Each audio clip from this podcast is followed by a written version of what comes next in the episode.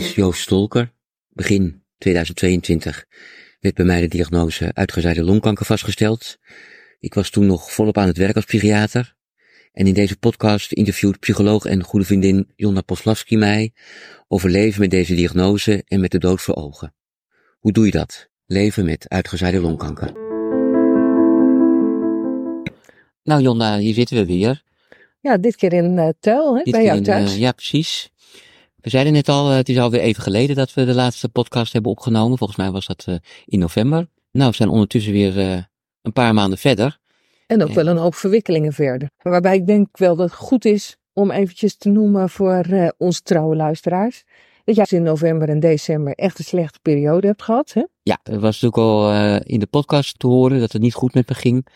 Veel pijn, groeiende kanker. En nou, ik ging in november ook echt steeds slechter in de zin van heel moe en heel kortademig. We zijn toen nog een weekje naar Engeland gegaan, maar eigenlijk in die week voelde ik me ook gewoon steeds zieker. Toen heeft de longoncoloog toch nog voorgesteld om te overwegen weer een chemotherapie te doen.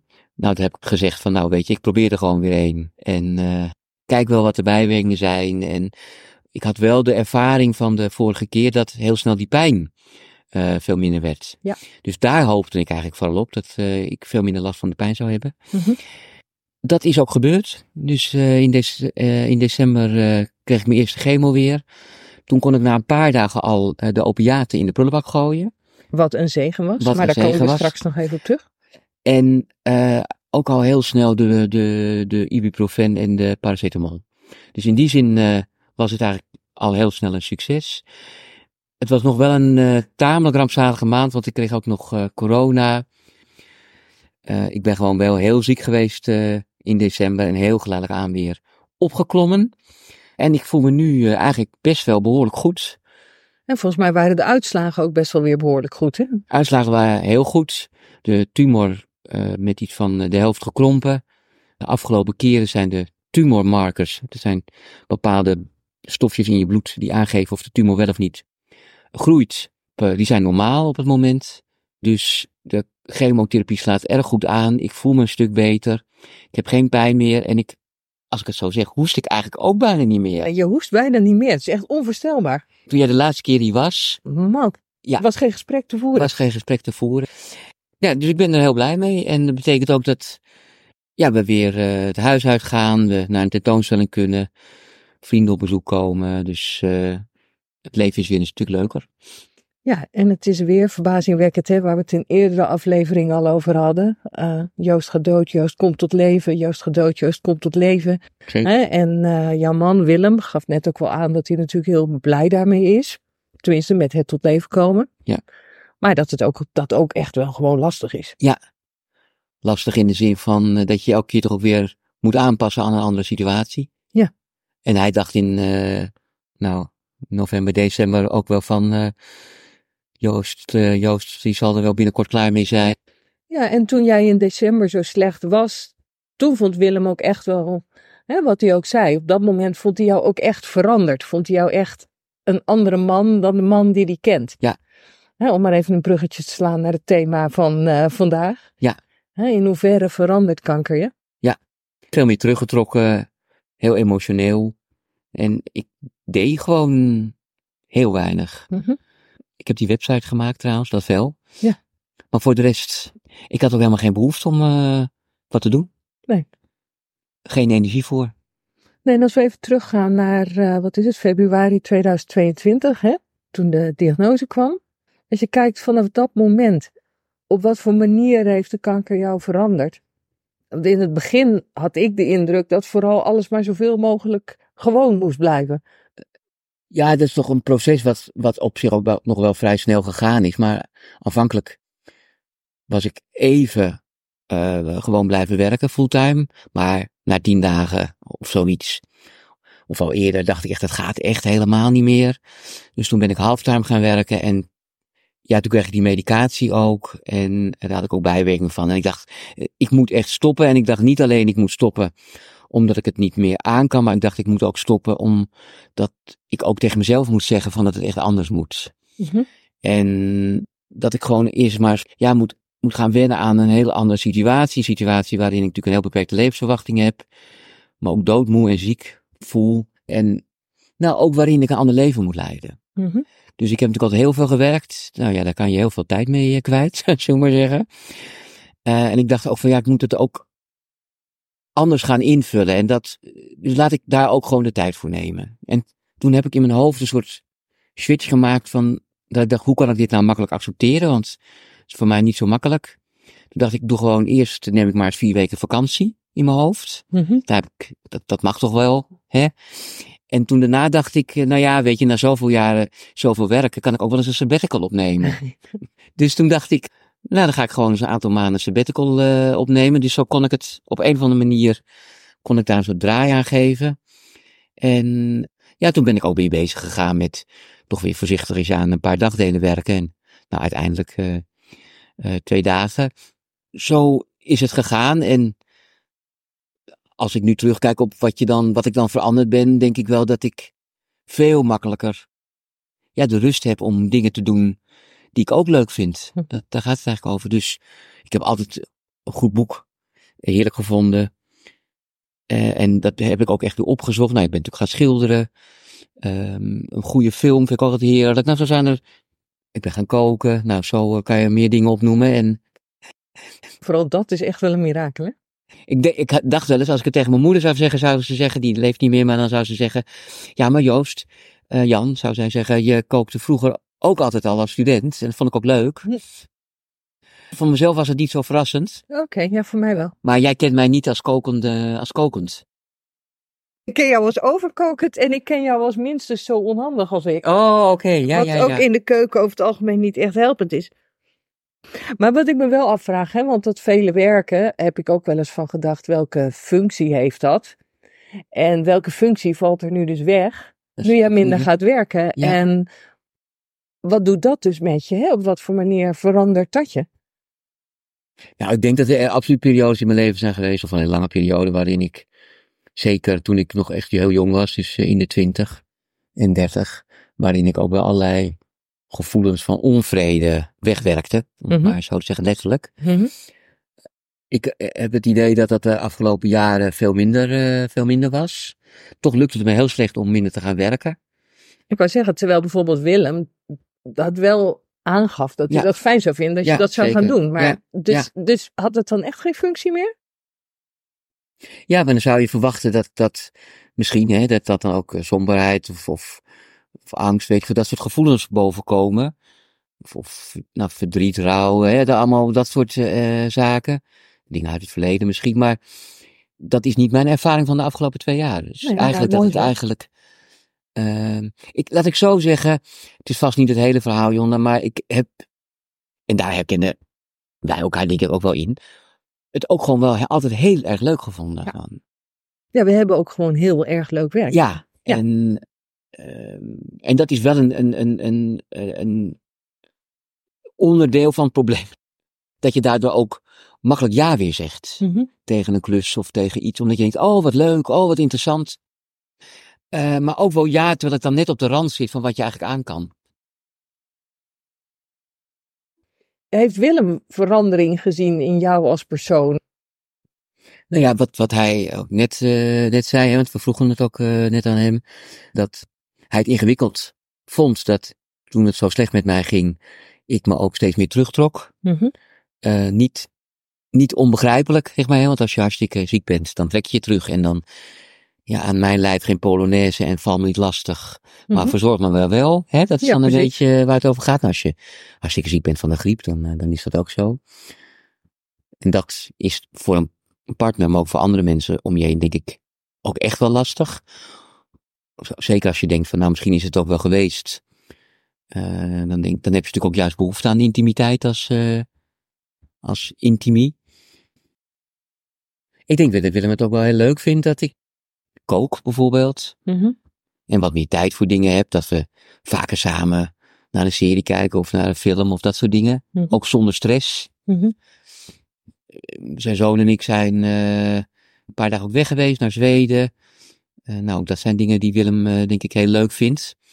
Eh, dus ik denk meer rust, meer ontspanning, dingen doen eh, die ook gaan over zorgen voor hem. Ik denk dat dat wel veranderingen zijn die hij fijn vindt. Gaat Willem anders met jou om nu? Misschien laten we elkaar nu vaker merken dat we dol op elkaar zijn. Ik denk Mhm. dat dat misschien wel de- bewuster is. Ja. Wat je, ja, ik denk voor Willem ook en voor mij ook is natuurlijk als je uitgaat of op vakantie bent. We zijn natuurlijk redelijk kort geleden nog eh, twee weken weg geweest. Dan zeggen, zeggen we niet tegen elkaar, misschien is het voor het laatst. Of, dat zeggen we zeker niet vaker tegen elkaar. Of zo. Ik vind het zelf ook niet zo. Dat doe ik ook liever niet, zeg maar. Maakt het allemaal zo dramatisch.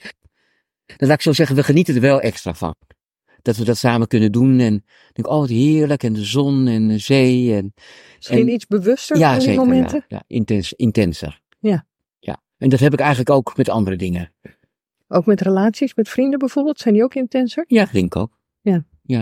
Ik weet niet hoe jij dat bijvoorbeeld. Denk jij dat het intens is geworden? Ons, Ja, dat denk ik wel. ja, Ja, nou, ik denk dat we al redelijk, eh, ja, een redelijk intense relatie hadden, waarin we al veel met elkaar, eh, veel met elkaar bespraken, zeg Ja, maar. Hè? Ik ja. denk dat er al weinig, eh, weinig was, in ieder geval van mij uit, was er weinig wat, wat, jij, wat jij niet van mij wist of waar het niet over kon gaan. Maar als je allebei nog relatief in de bloei van je leven bent, ja, dan is de dood en het einde van het leven is gewoon niet een heel vanzelfsprekend gespreksonderwerp. Terwijl het wel een gespreksonderwerp is wat wel heel erg naar de essentie van het zijn grijpt. Ja. Meer dan, meer dan andere onderwerpen, denk ik. Liefde grijpt ook naar de essentie van het zijn. Maar ik denk de dood en het sterven misschien nog wel wat meer. ja, en ja, in die zin doet het iets met je relatie. Ja. Denk ik omdat het zulke wezenlijke onderwerpen zijn. Of misschien wel het meest intieme bijna. En dat geldt ook wel voor eh, relaties met anderen. Ja, soms verwacht je het niet van mensen die daar dan wel naar vragen. Ja, dat Mhm. is soms heel leuk, verrassend. Dus dan heb je ineens een heel intiem gesprek met mensen van wie, het, van wie je dat niet in eerste instantie verwacht. Ik heb niet de ervaring dat mensen zich van mij hebben afgekeerd of niks meer met mij te maken willen hebben. Dat, ik heb er vaak over nagedacht, want dat hoor je vaak. Mhm. Ik zit ook in zo'n eh, Facebookgroep met eh, hetzelfde type kankerpatiënten, die zeggen dat ook wel. Maar ik, ik heb dat niet. Mensen gaan natuurlijk heel erg op hun eigen manier mee om. Wat nog wel eens een keertje gebeurt, en dat is dan een heel positief voorbeeld. Mensen bijvoorbeeld, als het gesprek al een beetje op het eind loopt, zeggen van, goh, ik zou eigenlijk wel willen weten hoe het met jou is. En eh dan ga ik daar gretig op in, want om het daarover te hebben.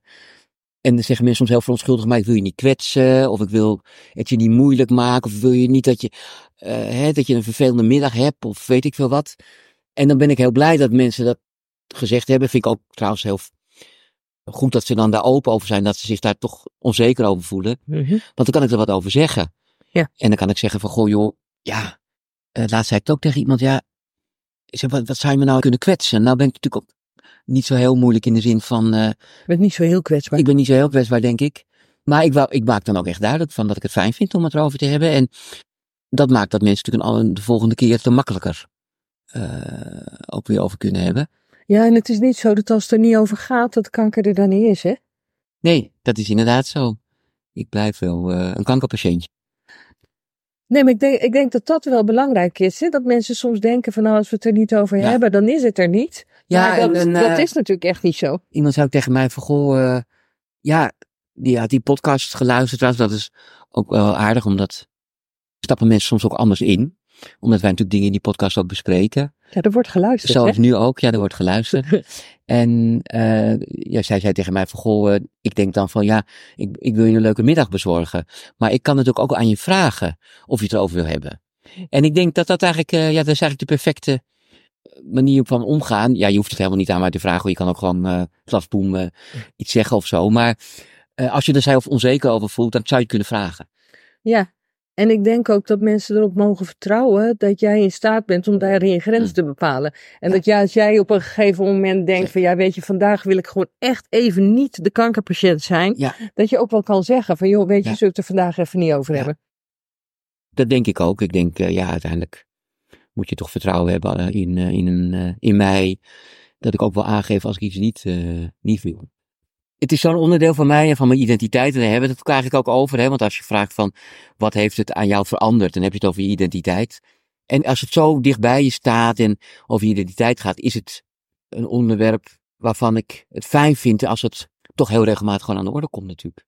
Eh, Iets anders is nog wel dat het zeker niet zo is dat dan andere onderwerpen niet de revue kunnen passeren. Hè? Ik bedoel, ik ben, hoop ik, net zo geïnteresseerd in de ander en in, ook in ditjes en datjes van een ander. Het hoeft echt niet, eh, als jij een nieuwe bank gekocht hebt, vind ik het ook leuk om te horen, of weet ik veel wat. Eh, Jij leeft dat- ook mee met mijn huizenzoek, toch? Ja, precies.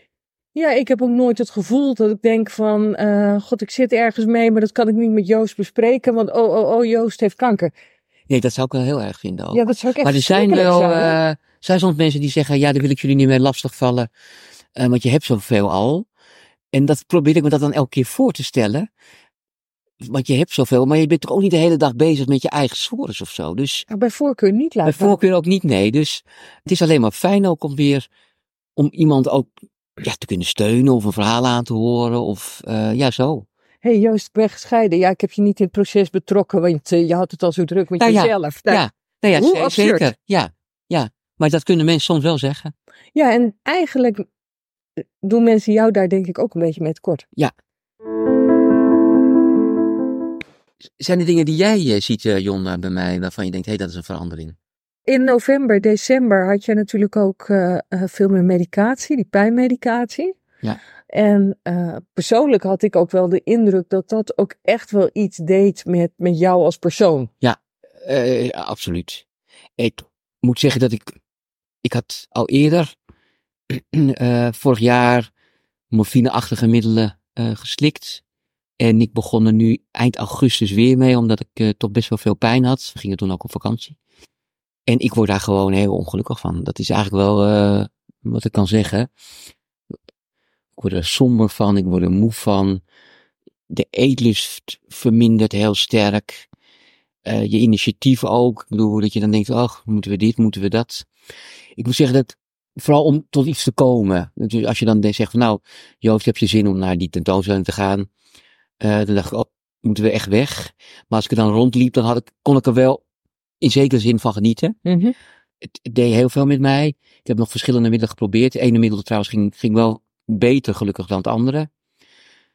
Maar dat klopt, dat is een verandering. En die, ja, dat calculeer je van tevoren ook niet zo in. Eigenlijk. Nee. Dat je door pijnmedicatie medicatie verandert qua persoon. Mhm. Ik heb daar ook wel uitgebreid over gesproken met de pijnspecialist. Die daar heel veel begrip voor had. Ja. En ook, nou ja, veel erkenning voor gaf. En ze zei, jij zegt er ook dingen over. En door jouw vak eh, kun je dat ook. Die eh, veel mensen wel voelen, maar niet zo op deze manier zeggen. Mhm. En dat je dus ook kritisch mag zijn over je pijnmedicatie. Hè? Want ik kan me voorstellen dat je ergens ook denkt van, ja, nou ben ik van de pijn af. Ja. Eh, dan moet ik dit maar voor lief nemen. Ja, ik denk dat veel meer voor veel mensen zo is. Zie je verder veranderingen bij mij als persoon? Ik vind dat je meer en langer en rustiger eh, in contact bent en in contact blijft. Dus minder, daarin minder vluchtig bent. En ehm, dat vind ik ook iets, iets moois hebben. En ik denk dat dat ook te maken heeft met wat je zei. Hè? Ik maak bewuster mee dat het zonnetje schijnt. Ik maak het zand onder mijn voeten bewuster mee. Maar Ja. Dat het ook zo'n gesprek als het ware bewuster is. Ja, wat, wat ik heel erg leuk vind, is dat wij natuurlijk samen zijn gaan schilderen. Ja. En dat ik daarin een kant van jou gezien heb, eh, die ik heel erg leuk vind om te hebben leren kennen.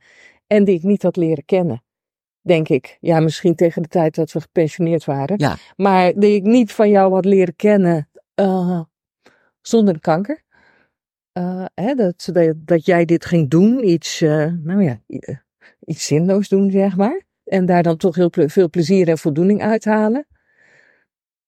Dus dat vind ik, eh, dat vind ik wel een verandering.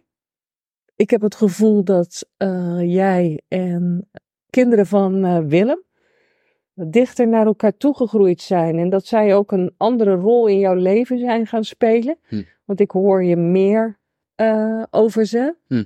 Ja. En je sprak al altijd liefdevol over ze. Maar dat vind ik nu nog, dat vind ik nu nog meer, zeg maar. Hè? Ja. Eh, als je het nu over ze hebt, heb ik niet meer het gevoel dat je het over de kinderen van Willem hebt. Ja, ja, ja. ja.